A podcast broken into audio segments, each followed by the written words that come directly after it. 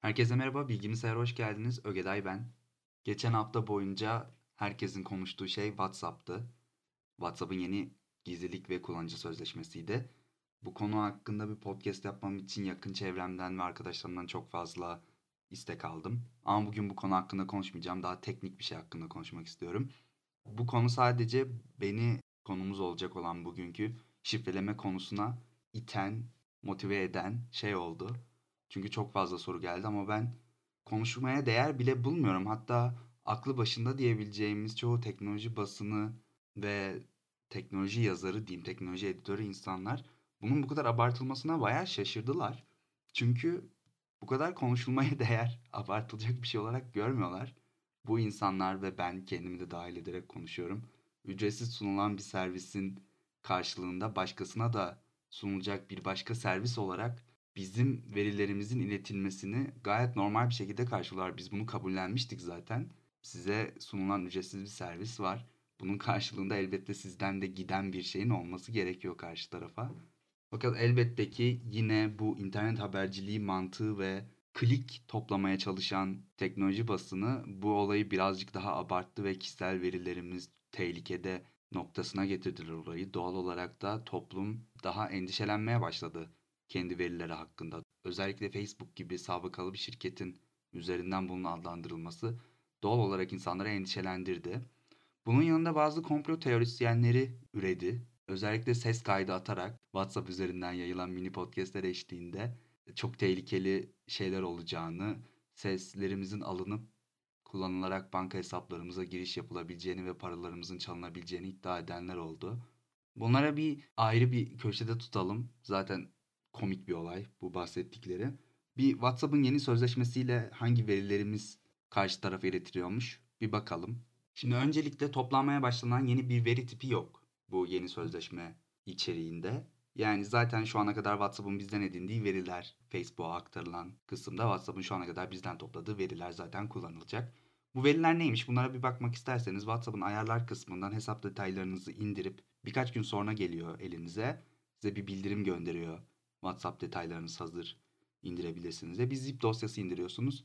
Onun içine de böyle küçük bir web app, gömülü bir web app tarzı bir şey yapmışlar. Offline çalışıyor. Oradan da bütün verinizi görebiliyorsunuz. Şimdi ben kendiminkini açacağım. Bir yandan size içinde neler varmış okuyacağım. Evet şimdi açtım karşımda bir yandan inceleyerek size anlatmaya çalışacağım. Öncelikle raporla ilgili genel bir bilgi var. Daha sonrasında benim telefon numaram yazıyor. Kendi girdiğim ismim yazıyor bağlantı durumumu özetleyen bir şey var ve ne zamandır online olduğumu özetleyen birkaç veri var. Bunlar anlık bir şey sanırım. Benim o raporu istediğim tarihe bağlı bir şey. Onun dışında işletim sistemi türüm yazıyor. Android kullanıyorum. Android olduğu yazıyor. Uygulamamın versiyonu yazıyor. Cihazımın Samsung olduğunu belirtmiş. Ee, onun dışında WhatsApp'ta hakkında kısmına yazdığım şey yazıyor. Profil resmim var. Profil resmim ne zaman yüklendiği var. Daha sonra kişilerim var. Burada telefon rehberimdeki herkesin numarası var. Onun dışında ekli olduğum WhatsApp gruplarının isimleri var. Daha sonrasında başka bir başlık açılmış. Burada da bu kullanıcı koşullarını Terms of Service diye geçen koşulları kabul edip etmediğim yazıyor. 2016'dakini kabul etmişim. Da data sharing'den ayrılmışım. Bunu ne zaman yaptım onu bile hatırlamıyorum. 2018'dekini kabul etmemişim. Öyle yazıyor burada. Ne değiştiriyor bilmiyorum tam olarak. Araştırmadım. Daha sonrasında da ayarlarım var. Bu e, kimler bloklu duruyor bende. Bu mavi tik olayı açık mı değil mi onunla ilgili bir ibare var. Onun dışında da kimler son görüldüğümü görebilir, fotoğrafımı kimler görebilir falan onunla ilgili bir veri. Yani WhatsApp'ın benden topladığı bilgilerin tamamı bu kadar. Benden sohbetlerim hakkında bir bilgi toplamıyor. Bundan emin olabiliriz. Öncelikle bu konuda endişelenmeyi bırakalım. Çünkü bugün konuşacağımız şifreleme olayı WhatsApp konuşmalarımızda da geçerli. Grup mesajı olsun, özel mesajlar olsun.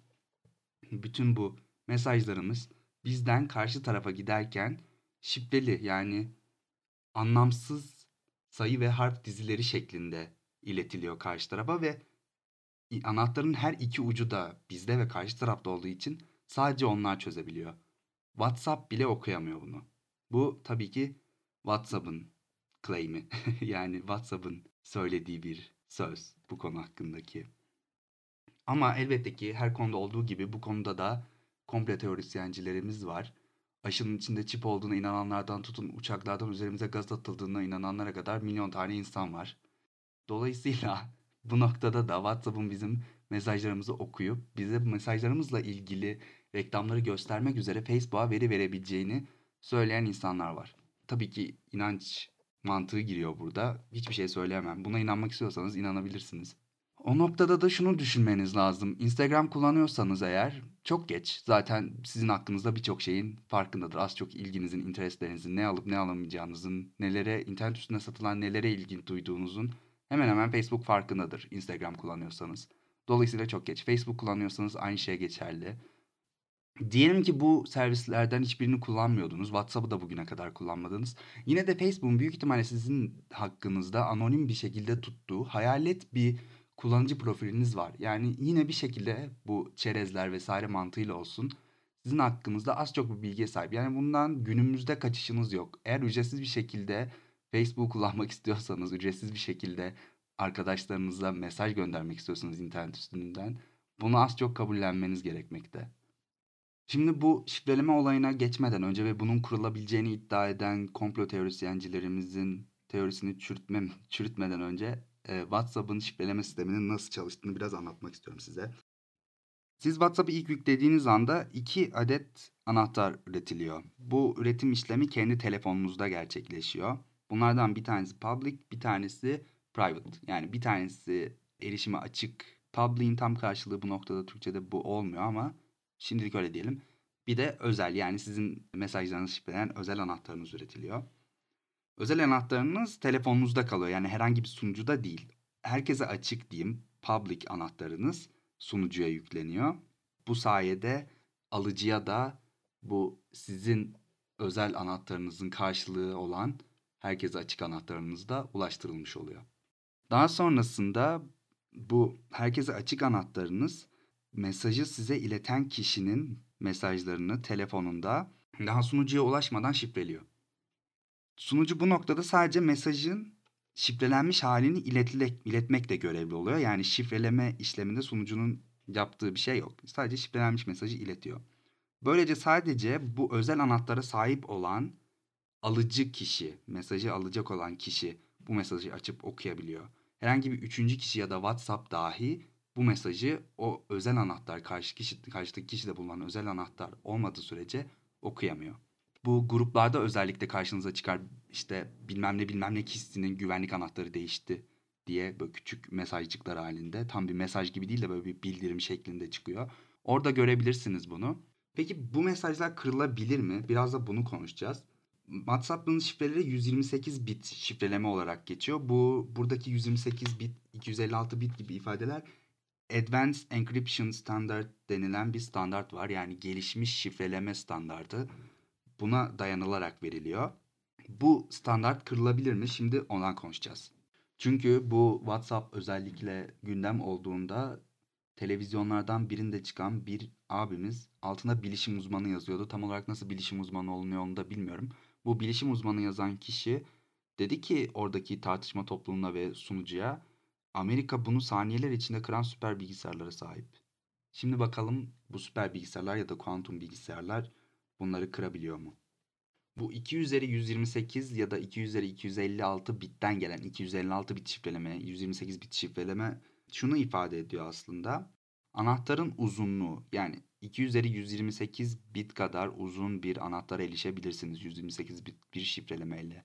E, bu maksimum değeri ifade ediyor. Yani arada bir yerde de kalabilir sizin şifrelemeniz. Ve tek başına 2 üzeri 128 bit şifreleme bile 2 üzeri 128'in ne kadar uzun olduğunu tahmin edebiliyorsunuzdur bu arada. Yani, yani tahmin edemeyeceğimiz kadar uzun olduğunu tahmin edebiliyorsunuzdur diye düşünüyorum. O yüzden bunun bile yıllar süreceğini tahmin etmek zor değil. E, bu mantıkla yola çıkarak da 2 üzeri 192 hatta 2 üzeri 256 bitlik şifrelemeler de çok çok çok daha iyi bir koruma sağlıyor. E, bu konunun uzmanı değilim ama araştırdığımda şunları gördüm. Bu tarz bir şifrelemenin günümüz normal bilgisayarlarıyla kırmak ortalama olarak 10 yıl ile 30 yıl arasında sürüyor. Ama eğer çok şanslıysanız 2 üzeri 256'da birlik bir şanstan bahsediyorum burada. Buna sahipseniz bilgisayarınız ilk tahmininde dahi bu şifreyi kırabilir. Yani ama bu olasılıkları düşünerek ilerleyeceksek şu an önümdeki bilgisayar patlayabilir ve ben de burada ölebilirim. Ama bunu daha mantıksal bir şekilde açıklamak istiyorum size. Biraz matematik yapalım. Şimdi 2 üzeri 128'i alalım. Bu bu şifreleme sisteminin ulaşabileceği maksimum bit sayısı olduğu için anahtar üstünden bahsediyorum. Anahtarın ulaşabileceği maksimum bit sayısı olduğu için maksimum uzunluk olduğu için bunun 2 üzeri 126'da kalma ihtimali de var. 2 üzeri 126 da 200, 2 üzeri 128 ile kıyaslandığında 4 kat daha az güvenli demek oluyor. Ama yine de 4 kat daha zayıf olan 128, 2 üzeri 126 bitlik bir anahtar dahi çok çok çok daha uzun bir zaman gerektirir. Tek tek hepsini tahmin edip bütün tahminlerin arasından doğrusun, doğru anahtara ulaşmak için. Ama işin kırma kısmına bakarsak yani şifrelemeden öte bu 2 üzeri 126 oluşturmaktansa 2 üzeri 126'yı kırmak yani onlarca tahmin içinden doğru olanı bulmak. Onlar değil ya bilmiyorum 2 üzeri 126'larca tahmin içinden doğru olanı bulmak aslında bir tık daha farklı işliyor. Bu demek oluyor ki sizin bu şifreyi kırmak için ihtiyaç duyacağınız 2 üzeri kaç tane operasyon gerekli? Yani 2 üzeri kaç operasyon yapmanız gerektiğini ifade ediyor bu kıracak kişi açısından. Şimdi bu 2 üzeri 128 ve ondan da kat kat kat daha güçlü olan 2 üzeri 256'nın ne kadar güçlü bir şifreleme yöntemi olduğu idrak edilmiştir diye düşünüyorum. Şimdi kuantum bilgisayarlarla bunların çok rahat bir şekilde kırılabileceğini iddia eden bir bilişim uzmanı kesim daha var. Bir de bunların bu teorilerini biraz tartışalım istiyorum. Şimdi öncelikle kuantum bilgisayarların yanlış anlaşılmasını önlemek adına biraz kuantum bilgisayarlar hakkında ön bilgiye sahip olmanız gerektiğini düşünüyorum. Ama bu bölümde bunu anlatmayacağım. Belki başka bir bölümde bundan bahsedebiliriz. Ama kuantum bilgisayarlar bizim tahmin ettiğimiz gibi aklımızın hayalimizin almayacağı derecede bizim kişisel bilgisayarlarımızın güçlendirilmiş hali değiller. Farklı bir altyapıda farklı hesaplamalar yapan bilgisayarlar. Yani bunu aklınızda tutmanız lazım. Belirli algoritmalar ile geliştirilerek ve bu algoritmalar için optimize edilmiş kuantum bilgisayarlar kullanılarak 2 üzeri 128 biti 2 üzeri 64'e kadar indirmek teknik olarak mümkün. Evet bu konuda haksız değiller. Bu mümkün. Yani kuantum bilgisayarlar cidden güçlü bilgisayarlar ve neredeyse 2 üzeri 64 katına indirebiliyor bu e, hesaplama hızını. Ama bu demek olmuyor ki saniyeler içinde bizim 2 üzeri 128 bitlik şifrelememiz kırılacak. 2 üzeri 64 hala korkunç yüksek bir sayı. Yani böyle düşündüğünüzde de yine bu kadar her biri kendine has olan anahtar havuzunun içinden doğru olanı bulmak yine çok uzun bir zaman alacak.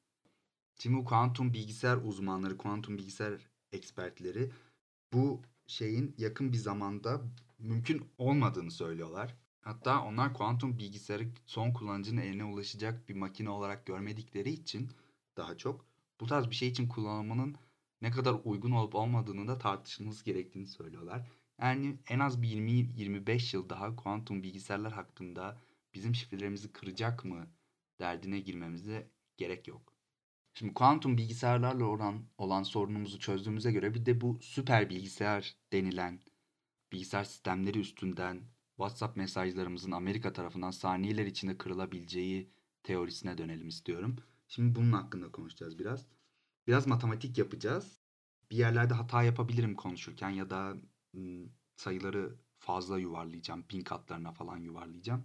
Çünkü o kadar büyük rakamlardan konuşuyoruz ki bir sayının bin katı o kadar da büyük bir ifadeyi göstermiyor olacak bizim için. Dolayısıyla bunu birazcık daha hayali bir hesap gibi düşünün. Aklınızı karıştırmamak adına bu şekilde ilerleyeceğim. Çünkü tahmin edersiniz ki burada size oturup kuadrilyonları telaffuz etmeye kalksam bu bölüm bitmez. 2 üzeri 256'dan örnek vereceğim. 2 üzeri 256, 2 üzeri 32'nin kendisiyle 8 kez çarpımına eşit oluyor. Şimdi bu da 4 milyarı aşan bir sayı ediyor. Yani tek başına 2 üzeri 32 4 milyarını biraz aşan, bayağı aşan bir sayı oluyor. Şimdi bu varsayımdan ilerleyerek bu şifrelemeyi saniyede çünkü televizyondaki kişi tam olarak saniyeler içinde dedi. Bir saniyede kırmak için gerekli olan işlem kapasitesini hesaplayacağız şimdi sizinle birlikte. Şimdi bu işlem kapasitesinizi kapasitesini gözünüzde canlandırmanız için şöyle bir şey yapmanızı isteyeceğim sizden. Google'ın bütün sunucularını hayal edin. Google'ın bütün sunucuları. Şimdi Google'ın bütün sunucuların sayısı tabii ki elbette Google tarafından halka açık bir şekilde paylaşılmıyor. Fakat bunu tahmin eden internet meraklıları var ve bunun işlem kapasitesinin milyara yakın olduğunu tahmin ediyorlar. Yani kıra bir saniye başına kırabileceği hash sayısı yani saniye başına kırıp deneyebileceği anahtar sayısı 1 milyara yakın bütün Google sunucularının işlem kapasitesi. Bu özellikle günümüzde güçlü ekran kartları diyeyim. Türkiye'de ekran kartı olarak geçiyorlar genelde GPU yani. Güçlü GPU'ların paralel işlem kapasitesini varsayalım ve önümüzde duran bilgisayara yani günümüzde hepimizin hemen hemen her gün kullandığı kişisel bilgisayarımıza bu güçlü GPU'lardan 4 tane takalım. Bu elde ettiğimiz bilgisayara abartılmış bilgisayar diyelim ve Google'ın bütün bu işlem kapasitesi sunucularının bu bilgisayarla değiştirildiğini düşünelim. Yani Google'ın bütün sunucularının içine 4 tane çok güçlü ekran kartı takıyoruz ve bunlar paralel işlem yaparak hash hesaplayacaklar bizim için. Şu an elde ettiğimiz bilgisayar Google'ın elde ettiği bilgisayar topluluğu, abarttığımız bilgisayar topluluğu ve bizim ihtiyacımız olan işlem biriminin binde biri kadar. Ama dediğim gibi o kadar büyük sayılardan konuşuyoruz ki şu anda bu binde birlik farkı göz ardı edebiliriz. Şimdi bu Google sunucularının az çok işlem kapasitesini gözünüzde canlandırdığınızda ihtiyacımız olacak diğer şeyler diğer internet devlerinin de en az Google kadar güçlü olduğunu varsaymak olacak. Yani Google kadar güçlü 4 milyarlık işlem kapasitesine sahip abartılmış bir Google çarpı 4 milyarlık işlem kapasitesine sahip abartılmış bir Amazon çarpı 4 milyarlık abartılmış bir işlem kapasitesine sahip Facebook çarpı 4 milyarlık abartılmış bir işlem kapasitesine sahip Apple ve çarpı 4 milyarlık abartılmış bir işlem kapasitesine sahip Microsoft'un işlem kapasitesinin hepsini çarparak birleştirdiğimizde hala 2 üzeri 256 biti saniyede kıramıyor oluyoruz. Bunun için 3 tane daha bu şekilde abartılmış işlem kapasitesine sahip dev internet şirketine ihtiyacımız var. Ha, diyelim gelecekte bir gün bu devlerden 3 tane daha ortaya çıktı ve abartılmış işlem kapasitesine sahip sunucuları ellerinde barındırıyorlar. O zaman bu 8 dev şirketin işlem kapasitelerinin birbirleriyle çarpılmış hali yani bütün bu işlem kapasitesinin bir arada en verimli şekilde çalışabildiği bir sistemin 2 üzeri 256 bitlik bir şifrelemeyi kırma ihtimali var. Evet, bir gün gerçekleşirse bana Instagram DM'den yazarsınız. Şimdi nasıl oluyor? O kadar yüksek işlem kapasitesi mi gerekiyor? 2 üzeri 256 biti kırmak için diyebilirsiniz. Burada bahsettiğim 2 üzeri 256 biti tek bir saniyede kırmak için. Yani o televizyonda çıkan abimizin iddiasına karşılık olarak bu cevabı veriyorum. Bu bölümün başlığını ne koyacağım hakkında şu an kafam o kadar karışık ki çünkü biraz WhatsApp'tan başladım. Güncel bir konu. Beni bu şifrelemenin kırılabilmesi konusunda ki araştırmayı yapıp size bunu sunmama motive eden konu olduğu için. Ama büyük ihtimalle başlık daha çok kripto, kriptolama ile ilgili olacaktır diye düşünüyorum. Çünkü teknik açıdan biraz daha onunla konuştum. Uzun bir dönem içinde 2 üzeri 128 veya 2 üzeri 256 bitlik bir şekilde saklanmış verilerinizin güvenliği hakkında şüphelenmeniz gerektiğini düşünmüyorum. Dolayısıyla bir tık daha rahatlayabilirsiniz. Ama bunları yaparken şeyi de unutmayın. Eğer internet üstünde ya da mobil bir cihaz üstünde ücretsiz bir servis alıyorsanız bunun size bir karşılığı olacaktır elbette. Bundan da kaçınmamanız gerekiyor. WhatsApp'ı silmeyi tercih edebilirsiniz bugün. Bu konuda endişeniz varsa yani verilerinizin reklam gösterilmesi amacıyla Facebook'ta paylaşılması konusunda endişeniz varsa bugün WhatsApp'ı silebilirsiniz. Telegram'a ya da yerli ve milli takıntınız varsa BIP'e geçebilirsiniz. Evet, bu bölümden de bu kadardı. Kendinize çok çok iyi bakın. Bana Instagram'dan bilgimsayar pod kullanıcı adıyla ve bilgimsayar.com'daki iletişim formuyla ulaşabilirsiniz. Görüşmek üzere.